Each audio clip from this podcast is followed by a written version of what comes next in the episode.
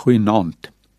Hoekom wetenskaplikes in die 19de eeu die mens as Homo sapiens geklassifiseer het, bly 'n oop vraag.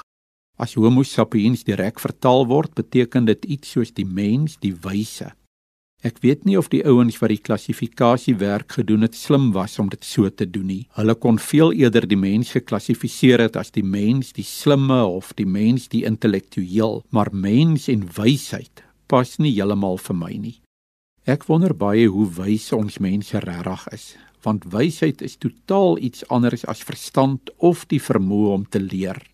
Terwyl die mense van die 19de eeu nog baie optimisties was dat kopkennis en geleerdheid die wêreld se probleme sou oplos, het die twee groot wêreldoorloë vroeg in die 20ste eeu hierdie optimisme gedemp. Mense het besef dit verg iets meer as net blote geleerdheid om van die wêreld 'n leefbare plek te maak.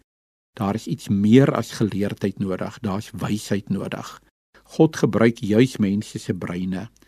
En as ek van hulle breine praat, bedoel ek nie hulle intellek nie. Paulus praat van iets meer. In Romeine 12 vers 2 skryf hy dat God ons verander deur ons denke te vernuwe. Dis dis eers wanneer ons nuut dink dat ons kan onderskei wat die wil van God is, wat vir hom goed en aanneemlik en volmaak is. Dis eers wanneer ons nuut dink dat ons begin besef dat wysheid ontstaan. Want wanneer ons God begin dien, dan begin wysheid. Spreuke 9 vers 10 sê juis wysheid begin met die dien van die Here. Wie die Heilige ken, het werklik insig. Daar's veral twee persone in die Bybel van wie gesê word dat hulle wys is. Albei van hulle moes in 'n vreemde heidense empire oorleef. Die een was Ester en die ander een Daniël. Die interessante is dat hulle heeltemal teenoorgesteld opgetree het. Ester was wys omdat sy haar na haar omstandighede geskik het. Sy deelgeneem aan dit wat die koning van al die jong meisies verwag het en uiteindelik het sy koningin geword in die vreemde empire. Daniel aan die ander kant het sy rug styf gemaak en weerstand gebied bied toe die koning goed van sy onderdane verwag het wat teen Daniel se beginsels ingedruis het. En uiteindelik het Daniel die raadgewer van die koning in die vreemde empire geword. Beide van hulle word as wys beskryf.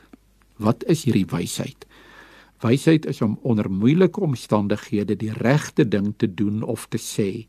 Wysheid is om partykeer soos Ester stil te bly en mee te doen. En dan is wysheid partykeer om soos Daniël jou rug styf te maak en op jou beginsels te staan.